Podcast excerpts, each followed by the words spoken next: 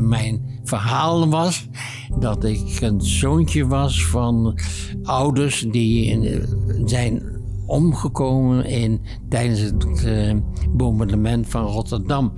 En dat verhaal heb ik zo vaak eh, moeten vertellen toen dat ik bijna zelf eh, ging geloven. Ik kan het me redelijk wel voorstellen, omdat ik meerdere films erover heb gezien en boeken gelezen. Maar het moet natuurlijk heel heftig zijn geweest.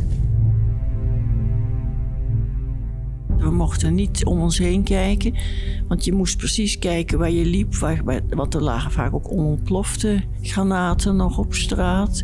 En toen zijn we helemaal vanaf de Oranjeweg naar, naar het station eh, Oosterbeek. En daar, die Drijenseweg, daar heb ik een hoofd met een helm naast de, in de berm zien liggen alleen maar. Ja, het is al heel erg dat je moet vluchten, maar dan, maar dan kom je buiten en dan zie je een lijk liggen. Dan, dan raak je helemaal in paniek, lijkt mij. Dat is, dat, dat kan je echt een trauma bezorgen dat je hele leven blijft. En daar klopte mijn moeder aan.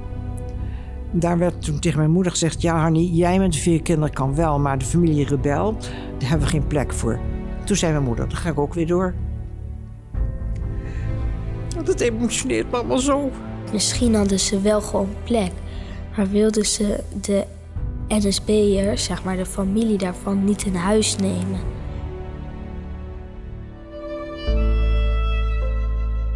In de podcastserie Ik Kom Terug komen ooggetuigen van de slag om Arnhem aan het woord.